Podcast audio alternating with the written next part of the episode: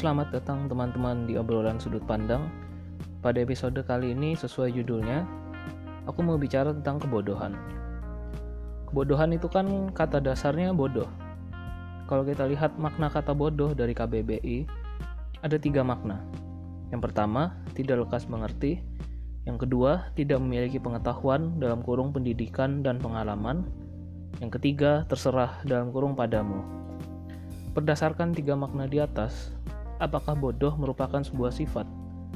Kalau menurutku sih enggak. Kita bahas satu persatu. Makna yang pertama, yaitu tidak lekas mengerti. Tidak lekas itu kan tidak sama dengan tidak dapat, ya enggak? Artinya, jika dengan kesabaran dan perlahan-lahan, maka akhirnya bisa mengerti. Lalu makna yang kedua, itu tidak memiliki pengetahuan dalam kurung pendidikan dan pengalaman tidak memiliki kan berarti tidak ada sama sekali, ya kan? Lalu adakah satupun orang di dunia ini yang tidak ada sama sekali pengetahuan terhadap suatu hal?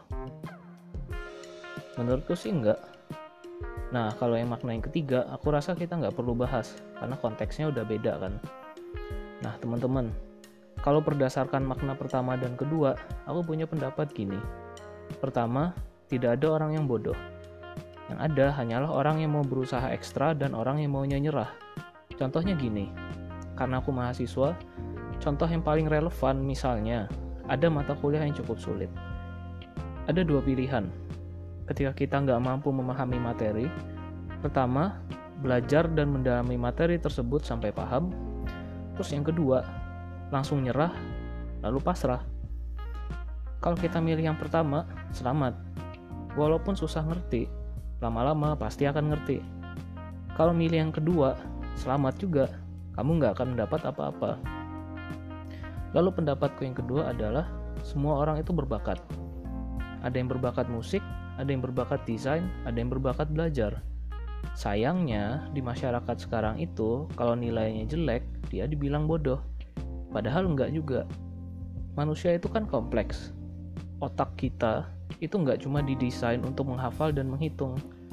Jangan ngeremehin diri kamu sendiri. Tuhan menciptakan kita itu dengan kapasitas yang luar biasa, gengs. Jadi, kalau kamu dibilang bodoh sama orang, nggak apa-apa. Yang penting di dalam hati kamu tahu kamu berbakat. Nah, kesimpulannya apa sih, teman-teman? Pertama, ingat baik-baik. Gak ada satupun orang di dunia ini yang bodoh. Pencapaianmu itu bukan tercermin dari betapa pintarnya kamu, tetapi tercermin dari usaha yang kamu curahkan terhadap sesuatu.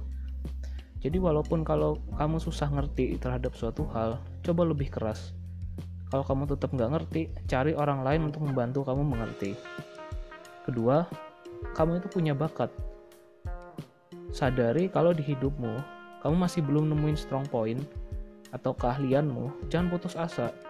Ingat Tuhan itu adil, ada kekuatan dan ada kelemahan.